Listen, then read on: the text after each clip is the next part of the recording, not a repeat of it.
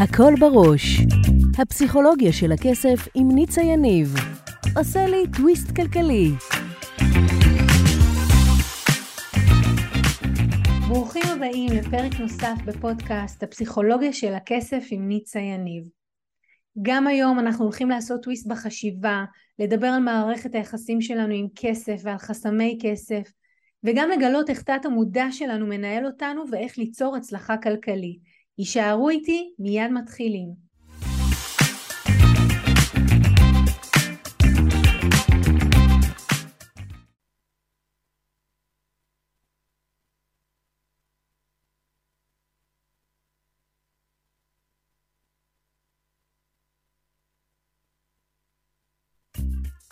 הכל בראש. הפסיכולוגיה של הכסף עם ניצה יניב. עושה לי טוויסט כלכלי.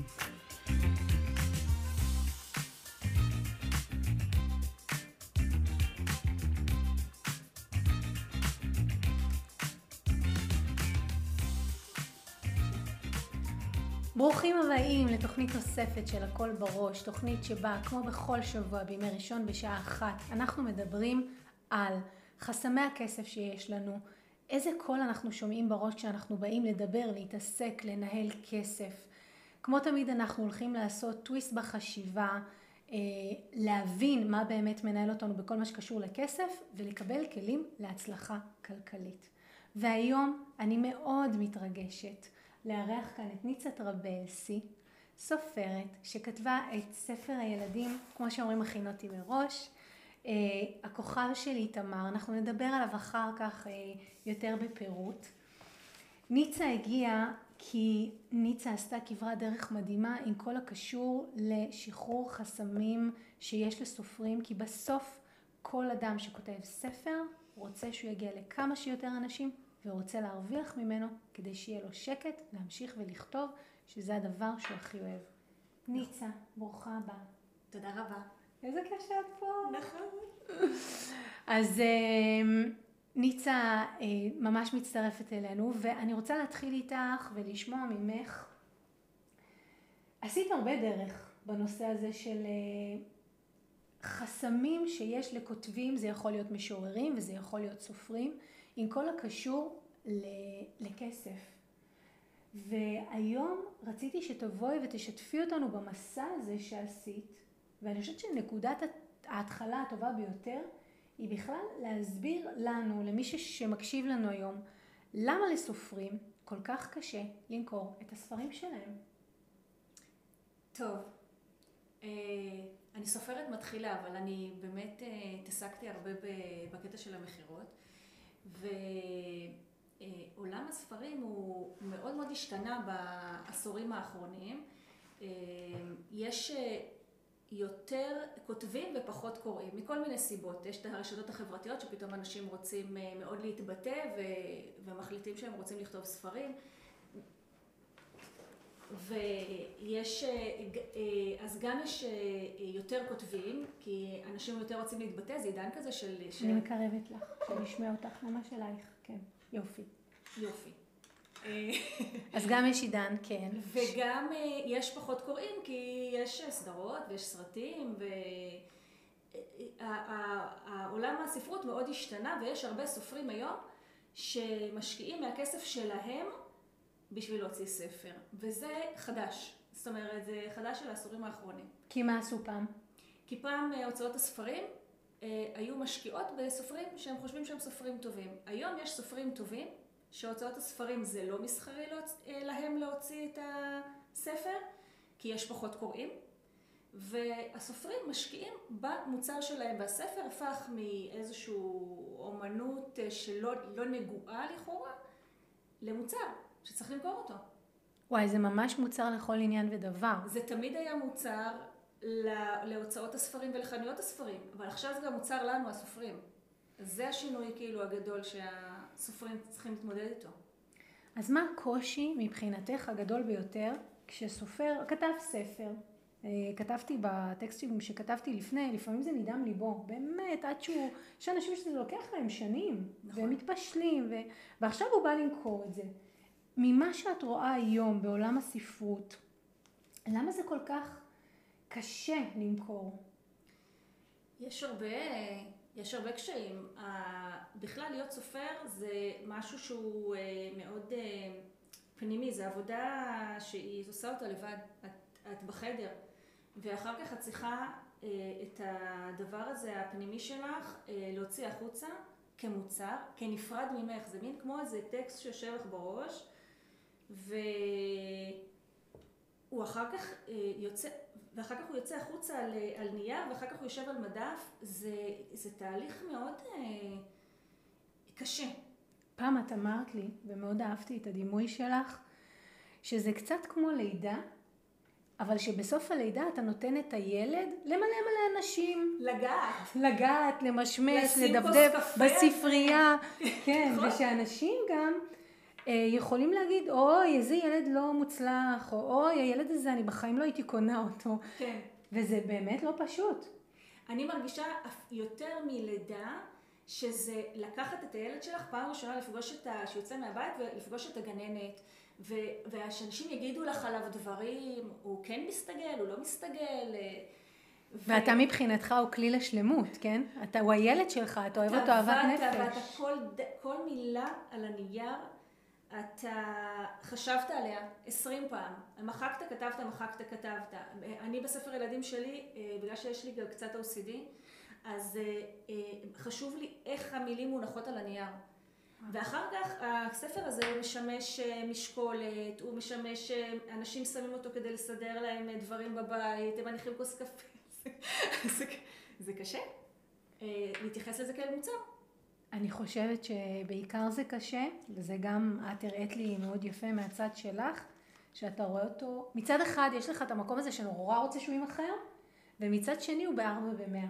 נכון. ואתה אומר, יואו, הספר המדהים שלי. כן. וכמה, ועכשיו כשהסופרים משקיעים כסף, הם מבינים כמה הם צריכים למכור כדי להחזיר את ההשקעה שלהם. זה משהו שהוא חדש, שזה היה רק של הוצאות הספרים. ושל החנויות שהתעסקו בזה, ועכשיו הסופרים והסופרות צריכות להתעסק בזה. אז ה... ברגע שמורידים לך את המחיר, את פתאום מתחיל להיות לך בראש טטטטטט, ואת מתחילה לחשוב כמה הוצאת עליו וכמה הוא עולה, ואז כמה תקבלי מזה. אז אני רגע אומרת שאני שומעת כאן שלושה דברים. אחד זה שבעצם כמו כל תהליך יצירה, גם באומנות, אתה יולד משהו, אתה נותן לו חיים, ואז הוא חשוף לביקורת, ויכול להיות שיקנו אותו ויכול להיות שלא. שתיים, אני שומעת את הנושא של, אתה היום, אם פעם זה הספיק לך להיות סופר, היום אתה צריך להיות סופר ואיש מכירות. בעל עסק. בעל עסק, כן, ולא כל אחד שהוא בהכרח סופר והמילה הכתובה חשובה לו, הוא טוב ומעניין אותו להיות במקום הזה של מכירות, וזה איזשהו קישור חדש שהיום סופרים צריכים, שבעבר הם לא נזקקו לו. וכשאת מדברת על אה, עם הספר, שמקדש את, ה, את המילה הכתובה ומקדש את הנייר עצמו, עם, ה, עם, ה, עם ה, זה מודפס עליו, הכסף אה, מלכלך אותו. בבית שאני גדלתי בו, כסף מלכלך אה, כל דבר שהוא נוגע בו. וואי, זה חזק, אנחנו בהמשך נפתח את זה ונפתח את זה, אבל אנחנו כבר שומעים משהו שאני שומעת אגב הרבה. אה, אגב, יש אה, קהילות גדולות שמדברות יצירה ויצירתיות וציורים ואומנות, וגם שם, א', ההורים אומרים לך, מכסף, מאומנות לא נהיים עשירים, מסיפור או כתיבת ספר לא נהיים עשירים, מלהיות אה, רקדנית לא נהיים עשירים, יש המון דברים שגדלנו עליהם שהם אנחנו ניכנס אליהם אחר כך שפשוט כמו תכנתו לנו. אה, כן, רוצה להיות עשירים? הייטק. אה, כן, רוצה להיות עשירים? תעשה איזה סטארט-אפ, תעשה איזה מיזם, אבל להיות עשיר מכתיבת ספרים? עכשיו, אני ואת יודעות שזה לא נכון. יש עשירים. מלא עשירים. יש סופרים עשירים. דוגמה. אה, ג'יי קי רולינג, היא, היא מיליארדרת אם אני לא טועה. אולי מיליונרת, אולי אני מגזים. לא מיליארדרת בוודאות. מה היא כתבה? את הארי פוטר. נכון. והיא, והיא עושה המון המון כסף. היום הקטע הזה שיש, כאילו שהספרים צריכים להתחרות בסדרות, אז אם פותחים את הראש ומשנים בתודעה את הקטע הזה שאפשר, שהספר הוא רק למכור ספר ומזה מרוויחים, אז אה, תחשבי שאם יש לך ספר, שאת מוכרת אותו להיות סדרה או להיות סרט, אז אנשים אה, קוראים את הספר, רואים את, אה, קודם רואים את הסרט ואת הסדרה, ואחר כך הם חוזרים לספר. אז יש כאילו, יש דיאלוג בין, ה, בין התחומים האלה, צריך לשנות את ה... לעשות סוויץ'. אז בעצם, על מה אנחנו הולכות לדבר היום? אנחנו הולכות לדבר על איך סופרים וסופרות אה, צריכים לעשות סוויץ' בראש, לשנות בתודעה שלהם את איך הם תופסים מכירה של ספרים ואיך הם תופסים הפצה של הספר שלהם כדי אה, להצליח למכור ולהתפרנס מכתיבה או למכור יותר, להחליט מה, כי, כי הכל ידוע, אנחנו יודעים איך מוכרים ספרים. יש, יש שיטות, הכל ידוע, אבל צריך לעשות סוויץ' בראש כדי להצליח. אני אקח את זה שלב אחד נוסף ואני אגיד אה, בחצי מילה, אני ב-2016 הוצאתי את הספר הראשון ומיד אחרי את הספר השני ואז לא הבנתי בכלל את העניין של תודעה. למה צריך לעבוד על התודעה? אני פשוט אמצא לי איזו הוצאת ספרים מעולה, אני אתן להם את הספר והם יוציאו את הספרים וכמובן שכשב-2016 אמרתי כל מה שאני רוצה זה רק שזה יהיה ב, ב, ברשתות הגדולות וזה הספיק לי כי אז זה אומר שאני מוכרת ומה שכתבתי הגיע להרבה אנשים. וככל שהזמן עבר ועשיתי דרך וליוויתי כותבים וליוויתי אותך, אז ממש לאט לאט הבנתי ועל זה אנחנו הולכים לדבר היום, על איזה חסמים מעכבים כותבים, סופרים, משוררים ומונעים מהם להרוויח יותר כסף. ואיך אנחנו, כמו שאמרת, איך אנחנו עושים שם איזשהו שינוי בראש ומבינים מה באמת מנהל אותנו מאחורי הקלעים.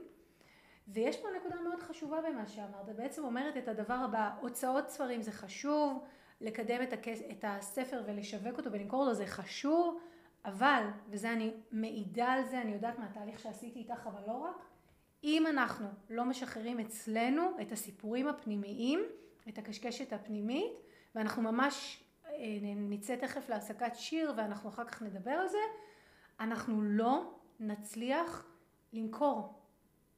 למה אנחנו לא נצליח למכור? מה הקשר בין תודעה לכסף? כי אנחנו לא נצליח אה, לעשות את מה שאנחנו יודעים שאנחנו צריכים לעשות כדי למכור. מה הכוונה? מה למשל? אה, אנחנו אה, לא נצליח לקחת את הספר שלנו למעגל של אה, קוראים ולדבר עליו. כי, כי למכור ספר זה, זה זילות של המוצר. חזק. הנושא הזה של זילות זה חזק. זה זילות של האומנות, אבל uh, הספרים צריכים להגיע לאנשים. נכון. אז איך הם יגיעו לאנשים? אפשר לחלק אותם, סבבה, כאילו, אבל זה בחירה של הסופר, ואפשר למכור אותם.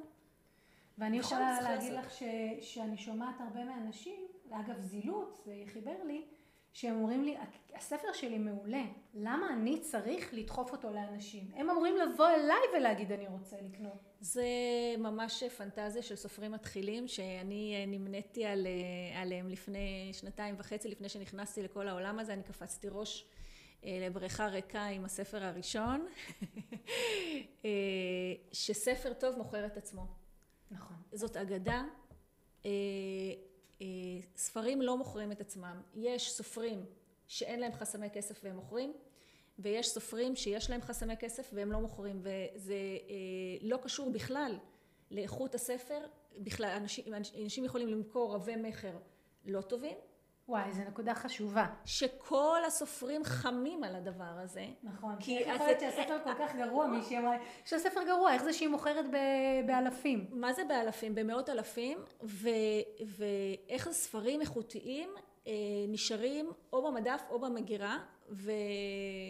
ויש אפילו הצעת ספרים ש... ש... עם שתי מוליות שאני מאוד אוהבת, שהם אה, החליטו להוציא לאור בגלל הדבר הזה, שיש ספרים איכותיים שלא יוצאים לאור.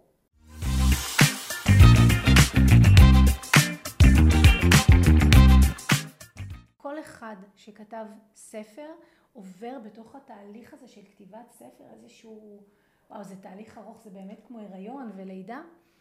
וחשבתי שהדרך הכי טובה היא באמת להביא את זה דרך הסיפור האישי שלך.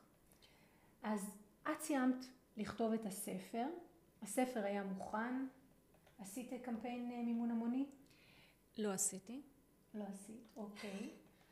שזה גם איזושהי משוכה שתכף נדבר עליה. שלא, שלא הצלחתי לעבור, כן. כן, זה, זה באמת, לא כל אחד מצליח, זה דורש ממך הרבה תעצומות ל, ל, להעלות את כל מה שצריך ולשים את זה בחוץ ולדבר את זה.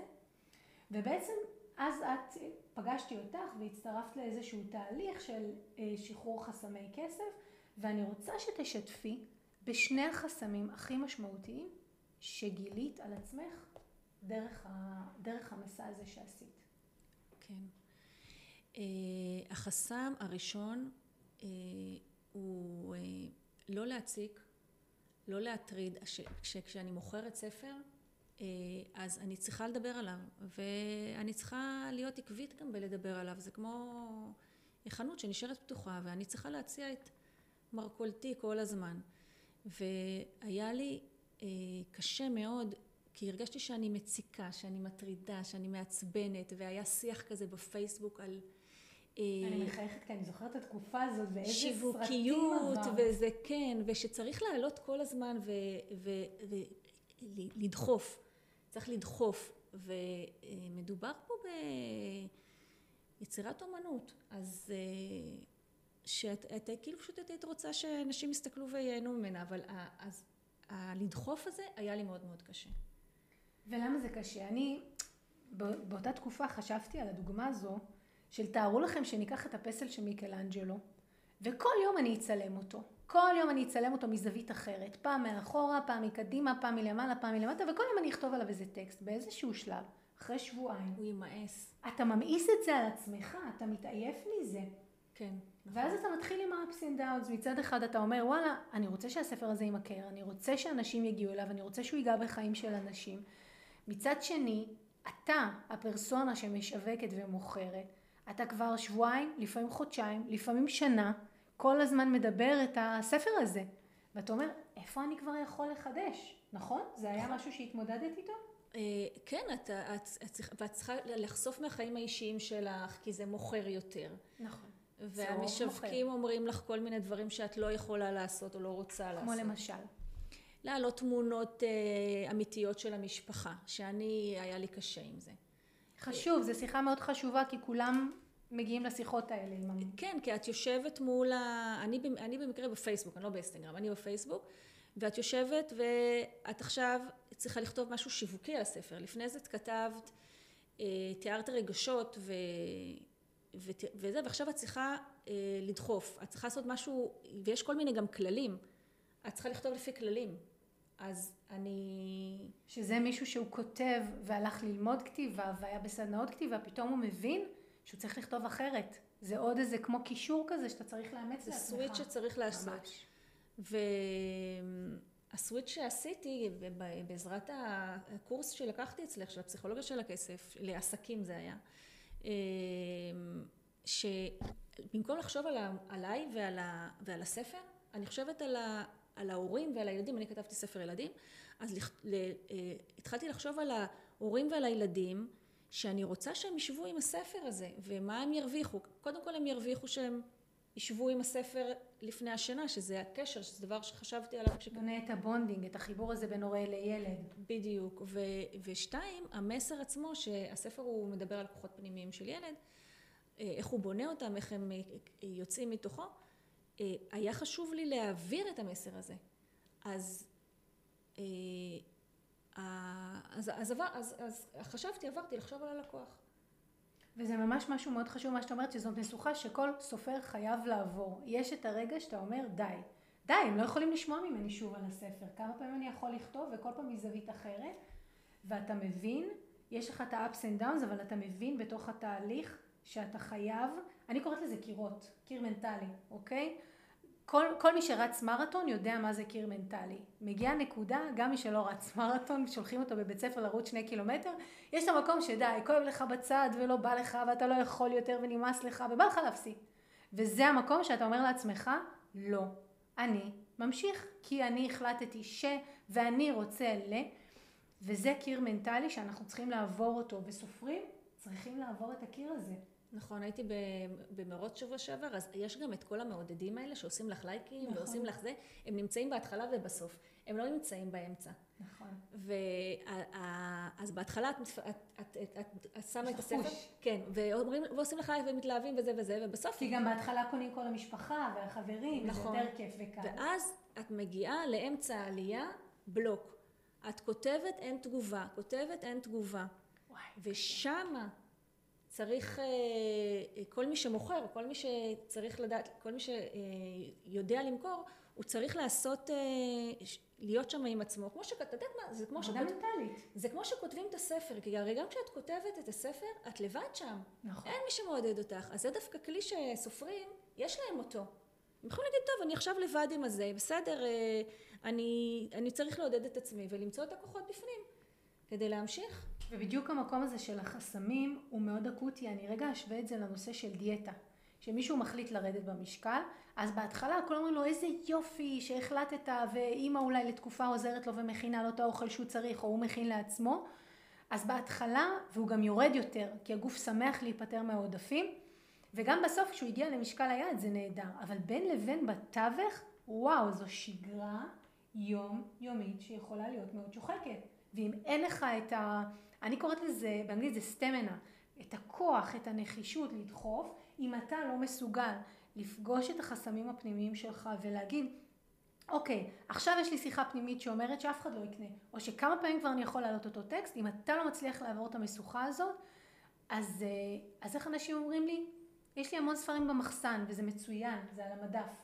זה לא הבדיחה של. הסופרים, כאילו. שמה הם אומרים? שתמיד יש לך את, ה, את כל הארגזים האלה, זה, כולם יש להם, תכיני מקום, תכיני מקום כאילו ב... לארגזים. כן, כי למה יש להם אה, ארגזים? כי יותר משתלם להוציא אלף או אלפיים, נכון. כי זה במחיר יותר זול. נכון, ואז נכון. צריך לעשות עם זה משהו. וגם כששמת כבר בחנויות, יש להם חיי מדף קצרים, זה חוזר אלייך, וואו. כל הארגזים. אז זה חסם ראשון. מה החסם השני שנתקלת בו בתהליך הזה של המכירה? כסף, כשהוא נכנס ב, ביחד עם אומנות, ביחד עם יצירה, הוא מקלקל שם. הוא כמו, הוא הופך את כל הדבר הזה למשהו זול. מ, מסוגה עילית, את, אה, את אה, מוצר על מדף, כמו... כמו כל מוצר. כמו כל מוצר, כן. כן. ואני כן ארצה, ואת צריכה לדעת את הטריקים של מי שמוכר כל מוצר גם, אז את כאילו כמו, את עוברת, את עוברת קליקה כאילו, מקליקה של סופרים, בקליקה של משווקים ומוכרים. קשה. מאוד קשה. אני כן רוצה שתגידי כמה מילים על הילדות שלך, כי אחד האתגרים שהיה לנו בתהליך, שעברנו אני ואת יחד, היה המקום שבו נולדת. והקשר קיבוץ. שלך לכסף. כן, אז אולי תגידי לנו באמת כמה מילים על זה. אה, אני קיבוצניקית לשעבר. לא, עד גיל מאוד מאוחר לא החזקתי כסף בידיים בכלל. אה, כסף... אף קיבוצניק לא מחזיק כסף בידיים. אז זהו, אז אני... יכול להיות, כן. לא, זה... זה, זה הקיבוצים של פעם, נכון? כן, זה מעבירים את הכסף מפה לשם, מתקציב, כאילו הכל איך רש... אמרת לי שרושמים? רושמים, רושמים. מה רושמים? אה, יש לך את המספר של התקציב שלך, ואת את, גם יש דברים שאת מקבלת בחינם. את הולכת להביא ביצים, את הולכת, כשהייתי קטנה, את הולכת להביא ביצים, חלב, ויש דברים שהם נייר טואלט, הכל את מקבלת, זה נחשב בחינם. זה נקודה חשובה, כי את בעצם אומרת שהיו מוצרים שהרגילו אותך, תכנתו לך את תת המודע, שיש מוצרים שהם חינם, ביצים זה חינם, אה, אני. עד גיל אה, 35 בערך לא קניתי גזר. כי גזר, אני הוצאתי מהאדמה ואני מיינתי, ואני לא משלמת על גזר. כן, אז עכשיו לכי תמכרי ספר, נכון. כשאין לך שום הבנה או הבניה פנימית למכירת מוצר וערך בשווי של כסף של משהו שמישהו קונה. זה ממש להתחיל מההתחלה, זה להתחיל כאילו מ... מ... לא מאפס, מלהתחיל ממינוס. כי גם את עובדת בלי לקבל על זה תמורה. נכון. מקבלת תמורה בכל מקרה, עבדת או לא עבדת, עבדת קשה אה, ועבדת פחות, את מקבלת את אותה תמורה. אני רגע רוצה לחדד את זה כי זו נקודה חשובה שאני נתקלת בה. אגב, כל מישהו עצמאי שהיה לשעבר קיבוצניק, בכלל אם הם עושים, עוסקים באומנות, זה, אני ממש רואה את האתגרים שיש להם ואת חסמי הכסף. כי בעצם ניצה אומרת כאן משהו מאוד חזק. עבדתי ולא שילמו לי על זה אף פעם כסף, אז התרגלתי שגם אם אני עובדת או מייצרת מוצר, אין על זה באמת אה, אה, מחיר, לא משלמים לי על זה בכסף, זה אחד. שתיים, גדלתי במקום שבו הייתי מקבלת דברים ללא עלות, אז כל ההבניה של מה זה כסף, שנותנים כסף בתמורה למשהו אחר, בכלל לא הייתה לי. ויש לנו לא מעט קיבוצניקים ומושבניקים בארץ, שככה הם גדלו, והם היום עצמאים, ואני יכולה להגיד שכולם מתמודדים עם ה issue הזה, עם הקיר הזה, זה ממש קיר בטון לקיבוצניקים ומושבניקים, של כסף, הם לא מבינים את הקונספט של כסף. אמרת לי משהו מאוד חזק כשדיברנו על זה, אמרת לי, גם אם היה לי over, גם אם משכתי יותר כסף, אין לזה משמעות. אין לזה משמעות. אמרת לי, היה לנו מינוס, היה כתוב לי ליד השם שלי, מינוס ליד המספר, וזהו. עכשיו, אתה יוצא לעולם האמיתי, אתה עושה משיכת יתר בבנק, וזה לא שיש לך רק מינוס וזהו. אתה חייב את הכסף הזה, והבנק מצפה לקבל את הכסף הזה. אבל אם תכנתו לך את תת המודע שוב ושוב ושוב ושוב, שאתה יכול למשוך כמה שאתה רוצה, אבל בעצם אין לזה שום משמעות, מה אתה אמור לעשות? אני, אני באמת אה, שנים, אה, לא, לא הייתה לי גם בעיה עם המינוס. לא הייתה לי בעיה. עכשיו, כשאני אצלך כבר אה, עשר שנים, אני באמת התחלתי ממש מ... מאפס. ממינוס, ו...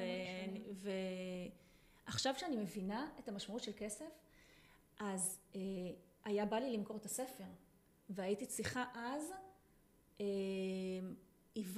ואז כבר הבנתי שזה לא אה, כל מיני דברים חיצוניים, שזה לא קורונה, שזה לא אה, הוצאה עצמית או אה, הוצאה אצל זה, זה פשוט משהו אצלי שמסרב למכור, הוא מסרב לעשות את העבודה בשביל למכור, והייתי צריכה להסתכל פנימה ולהבין על מה, על מה מדובר. אגב, אני חייבת להגיד לך משהו, לפני שאנחנו יוצאים להפסקה נוספת עם שיר, שאני יודעת, אחרי שליוויתי לא מעט כותבים, שאחת הסיבות שכותבים מתעכבים עם סיום הספר, בדרך כלל זה ההגאות האחרונות, זה פשוט הפחד למכור. אני אומרת את זה כי זו נקודה חשובה שלא מדברים עליה. כולם חושבים, לא, אני לא מצליחה לשבת על ההגאות, אני לא מצליחה לשבת על... כן עשתה האחדה, לא עשתה... נכנסים לכל מיני שיחות לא רלוונטיות. בסוף, רק כשאנחנו עובדים על חסמי הכסף ועל הרתיעה מהבנה שברגע שיהיה לי נכון. את המוצר אני גם אצטרך להתחיל למכור אותו. וכל עוד התעסקתי בזה ונגיד אה, הזזתי ימינה והזזתי שמאלה אני קוראת לזה, ולא הייתי צריכה לקחת את זה, לצאת החוצה ולהגיד לאנשים, קחו, תקנו.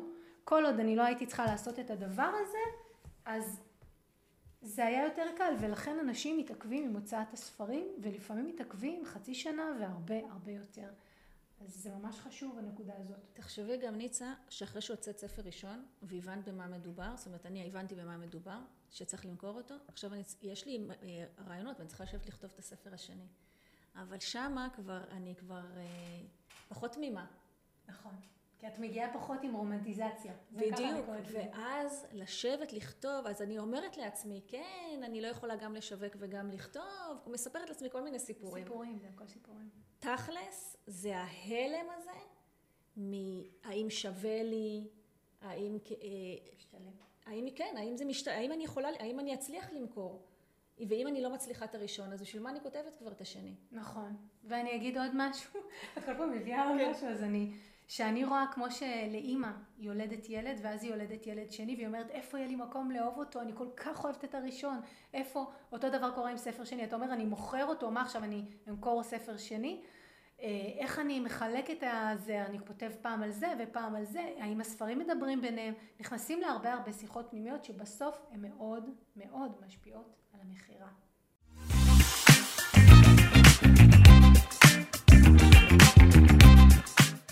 ועכשיו אנחנו הולכים לדבר על שני חסמי כסף מאוד עיקריים, אחרים, שונים ממה שדיברנו עד עכשיו.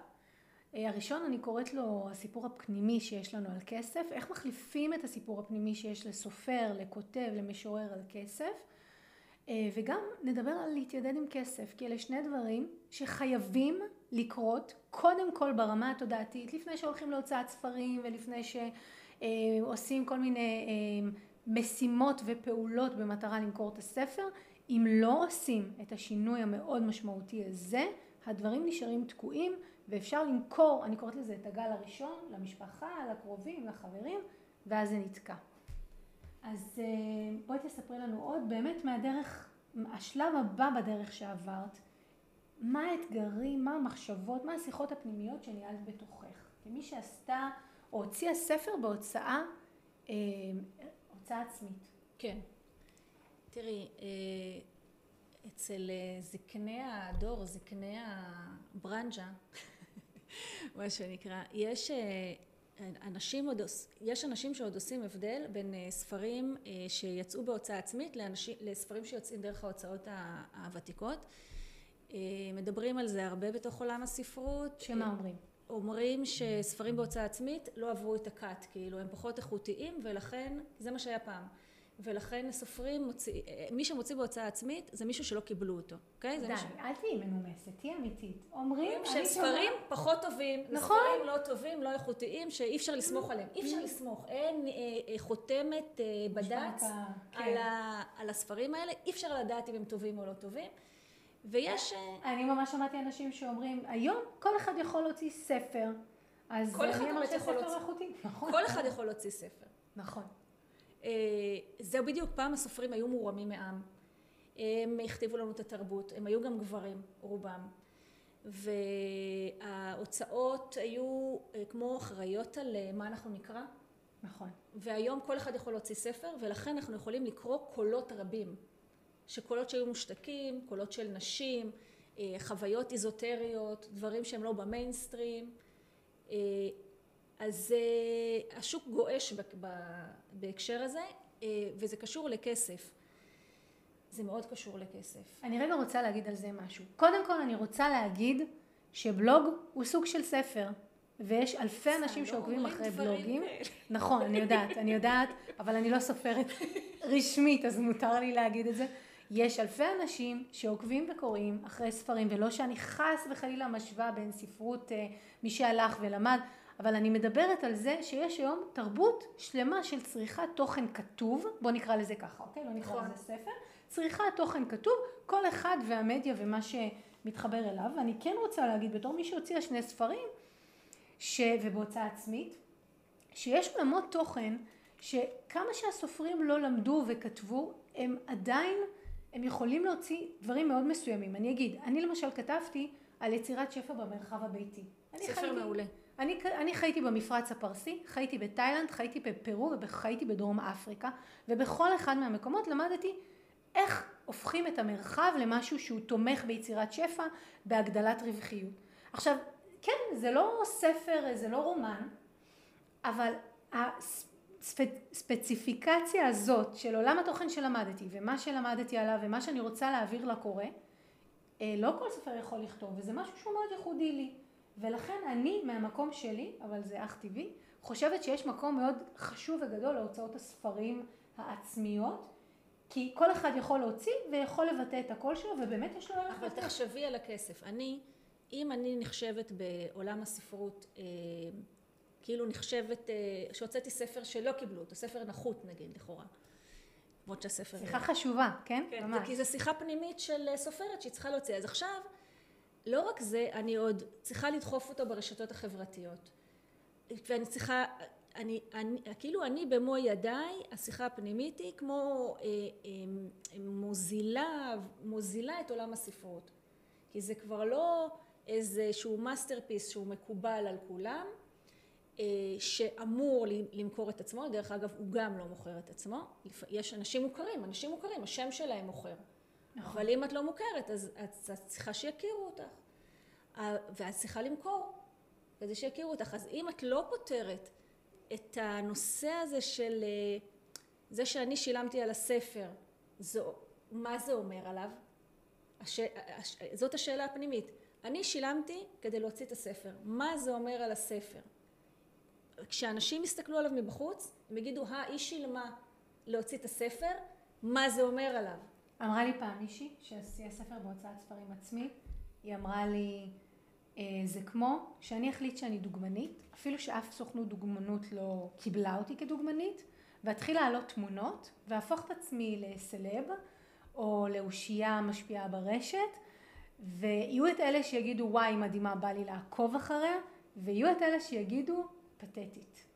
היא פשוט עושה את זה כי שום סוכנות דוגמנות לא תיקח אותה. והיא אמרה לי ניצה, ככה אני היום מרגישה כשאני כתבתי ספר, הוצאתי אותו בהוצאת ספרים עצמי, והיום אני רוצה לצאת החוצה ולהרוויח ממנו אה, כי עלה לי לכתוב ולקח זמן, והוא לא רק היה איזה גימיק שיווקי לקדם את מה שאני מוכרת בתחומו, והמקום הזה אה, גורם לי לרגשי נחיתות, אבל את מכירה את המיליארדרית שעשתה את זה? לא. קים? קרדשיאן? אה, קים. אוקיי. שמה קים עשתה? אה, קים היא דוגמנית. נכון. גם. נכון. אה, והיא החליטה על דעת עצמה שהיא דוגמנית, לא היו מקבלים אותה לשום מקום. פה אחד. כן. היא החליטה פה אחד שהיא... פה אחד ופה של אימא שלה, והיא קידמה את עצמה. עכשיו, זה אותו דיון, האם מדובר פה בטראש, כאילו בסוגה עילית, סוגה תחתית, ממש. אה, יש על זה, זה ו, וכל זה בוער בפנים כשאת צריכה למכור את הספר שלך, נכון. ו, ואת זה צריך לפתור, ואלה חסמים.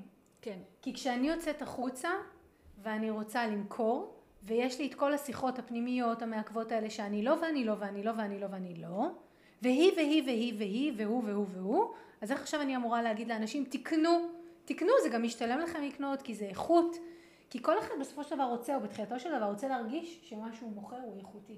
אבל הנה אנחנו עוד פעם מדברות על נגיד, נגיד אם שאני מביאה את קים קרדשן בתור דוגמה, האם הכסף הוא העיקר כאילו, אוקיי? היא מיליארדרת, מה זה אומר על, ה, על, זה, על איזה דוגמנית היא? אני לא יודעת. יהיו אז אנחנו חוזרות לתחילת הזה, שאנשים, לתחילת המ- המקטע הזה, שאנשים שהמילה הכתובה חשובה להם, לא רוצים לערבב את זה כל כך עם כסף. כי אם, כי אנחנו גם לא רוצים, את האמת, אני אגיד לך את האמת, אני אה, גם אחרי שמכרתי את הספר ומכרתי אה, מעל 700 עותקים, כמעט את כל האלף, נשאר לי ממש קצת בבית. אה, את הספר הבא שאני כותבת, אני פחות מתעסקת, על, פחות חושבת על הקטע של הכסף, אבל למה? כי כבר פתרתי את זה בפנים. אני לא הייתי יכולה לשחרר את זה, את ה... פשוט ישבתי בבית ואני אומרת, בשביל מה אני אכתוב? בשביל מה אני אכתוב? זה לא משתלם לי. רק כששחררתי את הנושא הזה של הסבבה, אני יכולה למכור. ו- ו- ומכרתי, רק אחרי שמכרתי. בסדר, לא עשיתי, אני לא מיליונרית ולא אה, לא התעשרתי מהספר, אבל הצלחתי למכור. רק אחרי שפתרתי את זה בפנים, את הנושא של הכסף, יכולתי להגיד, אני לא עושה את זה בשביל הכסף. אז את אומרת פה משהו מאוד חזק. את אומרת שהפחד מההתעסקות במכירה, או אם לא פותרים את חסמי הכסף, זה יכול לחסום את היצירתיות. זה יכול למנוע ממך לכתוב. כן, אצלי זה, קר- אצלי זה... אצל כולם זה קורה. אני יכולה לומר לך שאני רואה גם, אה, ליוויתי גם מעולמות היצירה, ציור, אה, אומנות. אותו דבר, כשאתה מתחיל לחשוב ולתרגם את זה כלכלית, כבר פחות בא לך. ואתה נכנס כבר לכל מיני סרטים פנימיים, ואתה אומר, אוקיי, אז אולי אני לא צריכה לעשות את זה. או כמו שמישהי אמרה לי, איך אמא שלי הייתה אומרת לי, אני שומעת את הקול של אמא שלי בראש. מה הבעיה שלך? פשוט לקחת עבודה של אנשים נורמליים, ולעבוד בה ולקבל משכורת. אנשים נורמליים, כן. כן, אנשים נורמליים. סופרים הם לא אנשים נורמליים, אני חושבת. יש אימהות שחושבות ככה. אז, אז בעצם אנחנו צריכים לשנות את הסיפור הפנימי. לשחרר את הנושא הזה של הכן כסף, לא כסף. מה לפ- כן? לשחרר את הנושא של כסף, אחד. מה עוד? אמ, לחשוב מה. רגשי נחיתות? רגשי נחיתות, רגשי נחיתות. אני עשיתי סוויץ', אני פחות מתעסקת בספר עצמו ובמערכת יחסים שלי איתו, ואני חושבת על מי שהוא צריך להגיע אליו. ואני חושבת שהספר טוב, ואני רוצה שהוא יגיע לאנשים. לא, הוא גם טוב מבחינה ספר- ספרותית, אבל חוץ מזה יש לו עוד ערכים. התרבות וספרות היא נועדה לגעת באנשים. כדי שספר ייגע בך, אתה צריך להחזיק אותו ביד. כדי שאתה תחזיק אותו ביד, מישהו צריך לשכנע אותך לשים אותו ביד שלך. אז אם אנחנו באנו, אם התפקיד שלנו כסופרים זה לגעת בכמה שיותר אנשים, אז אנחנו צריכים אה, לעשות את העבודה. תגידי, יש לי שאלה כשאני מקשיבה לך, מעניין אותי לשמוע איך את רואה את זה. אחוזים, באחוזים. היום, סופר שרוצה להצליח כלכלית, מהדרך שעברת, באחוזים, כמה ממנו צריך להיות סופר וכמה יש מכירות?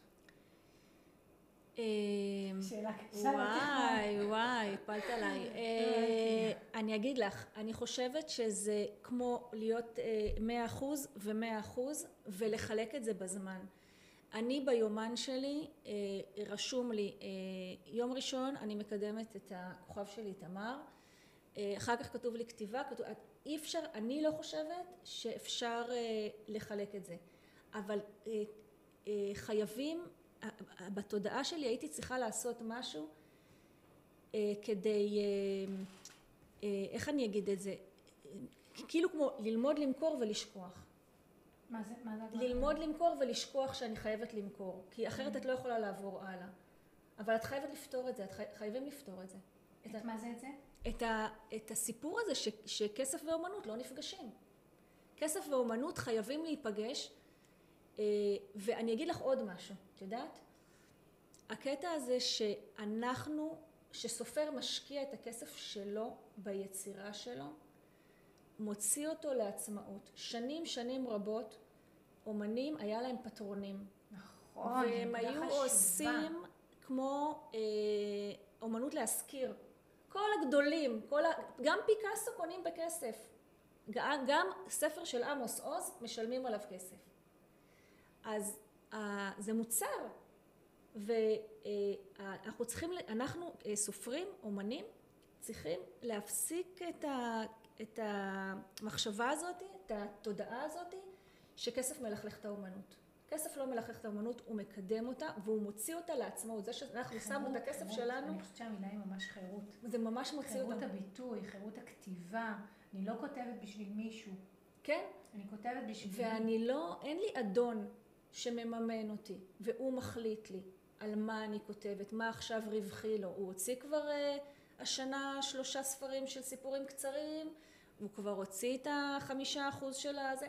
אני, אני, אני רוצה לדבר את מה שיש לי להגיד, אני רוצה לגעת באנשים, אני משקיעה בזה את הכסף, ולכן אני גם מוכנה למכור. את אומרת פה משהו חזק, את בעצם אומרת שהוצאות הספרים העצמאיות הוציאו לחופשי את אלה שבחרו להשתמש בשירותים שלהם, והם כבר לא כפופים או משועבדים באופן כזה או אחר לאיזושהי הוצאת ספרים, שבואי נהיה אמיתיות ניצה. אני, כשרציתי להפיץ את הספרים שלי, אמ, אתה גם צריך למצוא חן באיזושהי רמה בעיני המוציא לאור, ואתה צריך לבנות איתו איזושהי מערכת יחסים. לא שיש בזה פסול, כן? אבל כשאתה מוציא עצמאי, אתה מוציא עצמאי, לטוב ולפחות. כן. זו התמודדות בפני עצמה, אבל היא, היא נותנת לך, מצד אחד היא דורשת ממך, מצד שני היא נותנת לך חירות. כן, את עובדת הרבה עם uh, עצמאים. נכון. אז יש לך את ה... אז כאילו כשאיתך, אז הקטע הזה של העצמאות הוא גם עצמאות וגם חירות נפשית, אה, אישית, היא... יש לה ערך מעבר לשכיר עצמאי.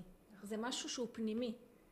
ואני חשבתי על זה שאני ממש שמחה שהוצאתי את הספר בעצמי. נכון שזה יותר נוח לפעמים שמישהו עושה לך וזה, אבל הוא לא יעשה לך כמוך. נכון. יש לו אינטרסים שלו. יש לו הרבה ספרים אחרים, כן, יש, יש לו אינטרסים שלו לגמרי, לגמרי. כן. אז רגע אני רוצה לסכם את המקטע הזה לפני שנעבור הלאה.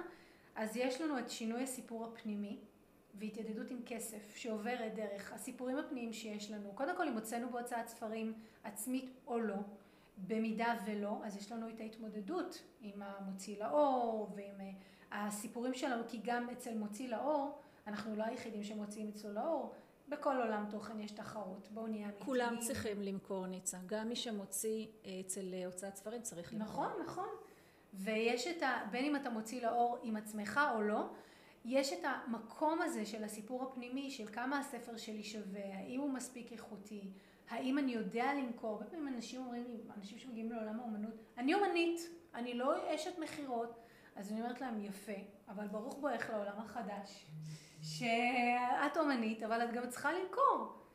וזה חלק מזה, ותשמעי, זה שתי שיחות בעיניי, זה נושא אחר בפני עצמו, אבל זה שתי שיחות בעיניי שכל הזמן מתקיימות, של עולם התוכן של יצירה בכלל, שנקרא לה ערכית איכותית. אומנות. כן. לעומת מה שאני שומעת, הנה תראי את הדור הצעיר, הם כל היום באינסטגרם, יש אושיות, קמה בבוקר ילדה צעירה, החליטה שהיא הופכת להיות אה, שם דבר והיא אה, מובילה איזשהו קו. ושני העולמות האלה, אני אקרא להם רגע, זה לא הישן והחדש, אני אקרא להם היותר שמרני והיותר, אה, אני אקרא לזה חופשי קפיטליסטי, כל הזמן מקיימים ביניהם איזשהו דיאלוג והתבצרות באחד העולמות כמו להגיד, אני, אני לא עושה אינסטגרם, אני לא עושה פייסבוק, אני לא עושה יוטיוב, זה ממני והלאה. אני כתבתי, והספר שלי הוא ספר איכותי, וזה ממני והלאה. כל זה פסה.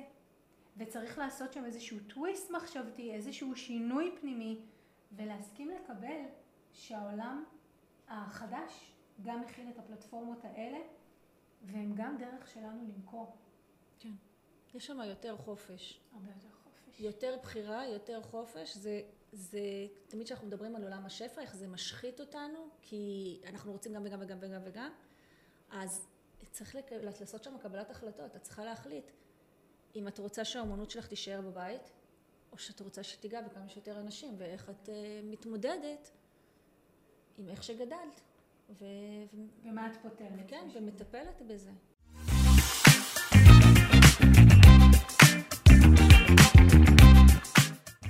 הפעם, אחרי שדיברנו על כל כך הרבה חסמים, אני הייתי רוצה שתצאו מכאן עם ממש כמו מראה מקום של מה אפשר לעשות כדי אה, להתחיל, להתחיל לעבוד על החסמים האלה. אני אתחיל להגיד, ככה נעשה אחד אחד כזה, בסדר? טוב. אני אתחיל להגיד שהדבר הראשון הוא הבנה. הבנה מה באמת מנהל אותי. מה שעשיתם עכשיו, כשהקשבתם לנו, ולחצנו פה על לא מעט טריגרים, שדיברנו על הדברים, זה קודם כל להבין מה מנהל אותי כשאני יוצאת החוצה למכור ספר. מה מנהל אותי, מה מביא אותי או לא מביא אותי למעמד המכירה, אה, וברגע שאני מבינה את זה, אני בעצם פותחת את הדלת להתחיל לייצר איזה שינוי. מה הדבר הבא שאפשר לעשות? כן. מה, אחרי, ש... אחרי שמבינים? כן, מבינים? אחרי שמבינים, אה, צריך אה, להתחיל לעשות דברים. אני לדוגמה מסתכלת על סופרים מצליחים ואני מסתכלת מה הם עושים. עכשיו, אפשר להסתכל על סופרים מצליחים ולהתייאש כאילו ממה שהם עושים, כי הם... לקנא. לק... לקנא, להתמרמר. אה, ואפשר להסתכל מה הם עושים, ואז אני אומרת לעצמי, את זה אני יכולה לעשות. את זה, אה, לדוגמה, אה, מאוד קשה לי ללכת לבתי ספר ולהקריא את הסיפור שלי. אז עכשיו אני לא אומרת, אני לא יכולה לעשות את זה. אני אומרת, מה, מה בסיפור הפנימי שלי של כסף או של הכרה ואיזה, מה, מה בחסם, איזה חסם כסף יש לי שמפריע לי לעשות את הדבר הזה והזה, לטפל בזה ולראות. זאת אומרת, אנחנו עוקבים אחרי סופרים מצליחים, אנחנו רואים את סדרת הפעולות שהם עושים, אנחנו ממפים את סדרת הפעולות ואומרים, זה דברים שאני מסוגלת לעשות, אלה דברים שפחות, ואז אנחנו הולכים ועושים את מה שאנחנו יכולים, ומה שלא, אני קוראת לזה, משאירים את זה בהולד שיתבשל עד לשלב שנוכל לעשות את זה, נכון? נכון. יופי. הדבר השלישי, זה אנחנו מבררים מה סיפור הכסף הפנימי שלנו מהבית. תקשיבו, הכל מתחיל מהבית. איך שגדלנו, מה שההורים אמרו לנו על כסף, אה, הדוגמה שניצה גם הביאה, הנושא של הקיבוץ ואיך שהיא גדלה ומה שהיא הבינה או לא הבינה לגבי חיבורים על כסף, לכל אחד יש איזשהו סיפור אישי. יש אחד שאבא שלו איבד את ההון והייתה לו פשיטת רגל, ואחד אחר שההורים היו עשירים המון שנים ואחר כך כבר פחות. כל אחד יש לו סיפור. הסיפור הזה מכתיב את איך אנחנו יוצאים אחר כך ומנהלים, אבל יותר מהכל מה שמכתיב זה מה הסיפור הפנימי שלנו על מכירות. כי מכירות בסוף נוגעות לכסף בואו נהיה אמיתיים, אוכל, כסף וסקס הם שלושה דברים שכולם מסתבכים איתם, אין אחד שזה ממש ממש פשוט לו וזה זורם לו, לכולנו יש עבודה לעשות על הדברים האלה, כי הם כולם מקורים, מקור לכוח. כסף יכול לתת לך כוח, מיניות יכולה לתת לך כוח, וגם כל הנושא של אוכל, זה ממש מזין את הגוף. מה הדבר הבא שאנחנו עושים? אמ, אנחנו אמ, מתחילים לבנות את ה... מתחילים אה, לעשות... אה, נתקעתי, נהיה לי, נהיה לי נתק. נהיה לי נתק. אז אני יכולה להגיד לך, אין בעיה, את יודעת.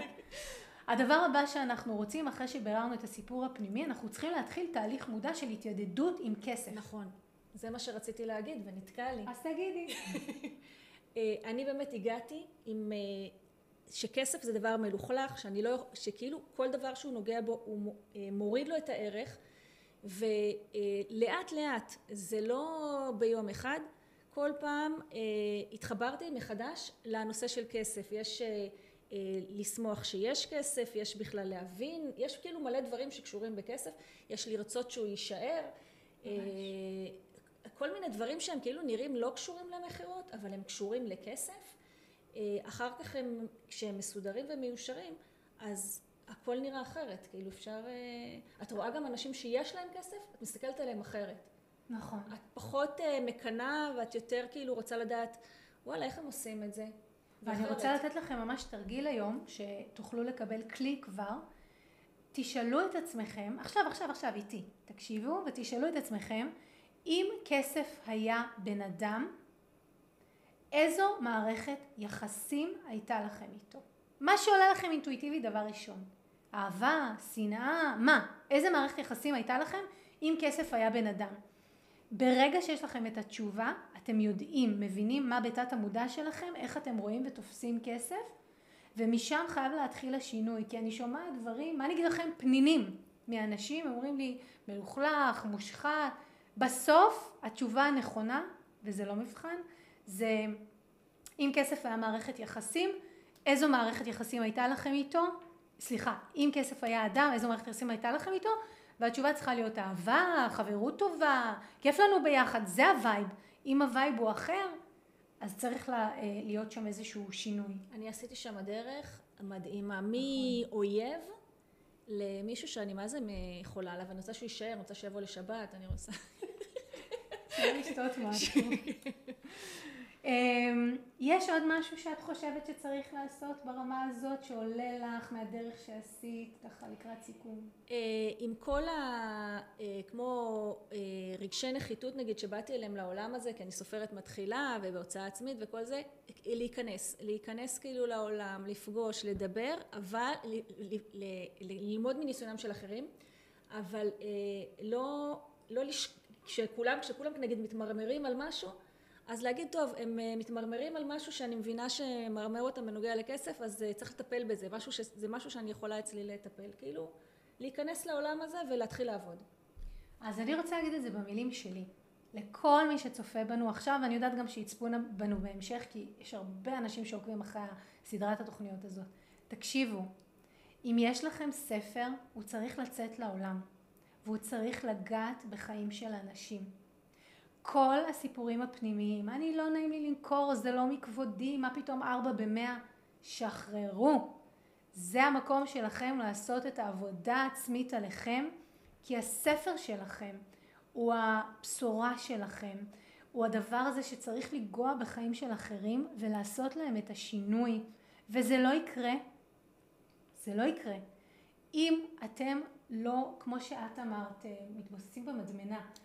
אם אתם ממשיכים להתבס, להתבוסס בדבר הזה, וזה ממש אני רוצה שהשידור הזה ייתן לכם את הבוסט הזה, שאפשר וזה אפשרי ואתם יכולים, והעולם מחכה לספר שלכם, הוצאה עצמית או לא, ורוצים לקרוא אתכם, רוצים לשמוע מה שיש לכם להגיד, ואני יכולה להגיד לכם ממש כזה לקראת סיכום, שאחד החסמים הכי גדולים שאני מצאתי אצל סופרים, זה מעניין מה שאני הולכת להגיד, זה שהם הגיעו מבתים שהם הרגישו שההורים לא היו קשובים לסיפורים שלהם, או כמו שמישהי אמרה לי, אמא שלי לא עניין אותה מה יש לי לספר.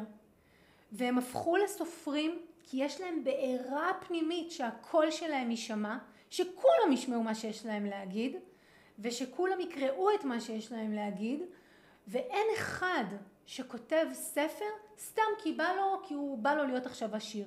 כל מי שכותב ספר עובר שם תהליך תרפויטי, איזשהו תהליך ריפוי עצמי פנימי, שהוא must בשבילו ברמת הנשמה, וגם אתם צריכים, אנחנו צריכים להתפרנס מכתיבת הספרים האלה. אז תעשו לעצמכם טובה, טפלו בחסמים, טפלו במה שמונע מכם להגיע, לצאת, למכור את זה, ולהגיע ולגעת בחיים של אנשים, כי אנחנו חייבים את זה לעצמנו וגם להם. נכון. יופי. אז אה, לקראת סיכום אני ממש ארצה להמליץ בחום לכל מי שעוד אין לו את הכוכב של איתמר שהוא ספר ילדים. כתבתי יש לך יכולת לשים במילים סיטואציות רגשיות מורכבות תודה. ולגעת ברמה, בצורה כל כך מעוררת השראה. כתבת ספר שלפני שינה אני אוהבת לתת אותו מתנה לאנשים שיקרים לי ואני ממש ממליצה עליו בחום. ממש ניצה, תודה רבה. היה לי ממש כיף לארח אותך, לשמוע על הדרך שעברת, לראות אותך כותבת, מוכרת, ממשיכה. זה נותן הרבה אנרגיה, אנרגיה טובה למי שרוצה לעשות את התהליך. אני תמיד שמחה לדבר איתך, כי אני יודעת ששם בחוץ, כאילו, כדי לדעת למכור ולדעת לעשות כסף, כאילו, הכל נמצא שם. אבל אה, אנחנו לא יכולים להשתמש בדברים האלה כל עוד יש לנו את החסמים. אנחנו לא, לא, לא מצליחים אה, ליישם כשאנחנו לא, בלי שינוי בתודעה. ש, שמי שהולך איתך דרך או שמגיע לקורסים ומקשיב לתכנים שלך מבין שקודם זה תודעה ואז כשאת, כשהתודעה שלך מסודרת הדרך נפתחת. הדרך נפתחת ופשוט הולכים בדרך ואת יודעת מה לעשות. או כמו שאמרת לי פעם, אני לא יכולה לעבור לאכילה בריאה אם לא שחררתי את ההתנגדות שיש לי לאכילה בריאה.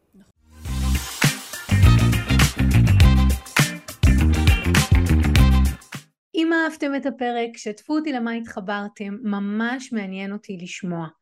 אם בא לכם ללמוד עוד על הפסיכולוגיה של הכסף, הנה המקומות שאתם יכולים להתחיל בהם. באתר ניצayניב.com תוכלו להזין לתוכנית הרדיו השבועית שלי שנקראת הכל בראש וגם להצטרף לקבוצת הפייסבוק שלי הפסיכולוגיה של הכסף עם ניצה יניב.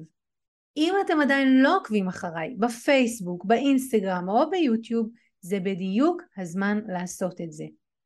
אלה מכם שרוצים להעמיק אתם יכולים לפגוש אותי אחת לחודש במפגשים הקבוצתיים לאימון בלייב או להצטרף לקורס המקיף לשחרור חסמי כסף.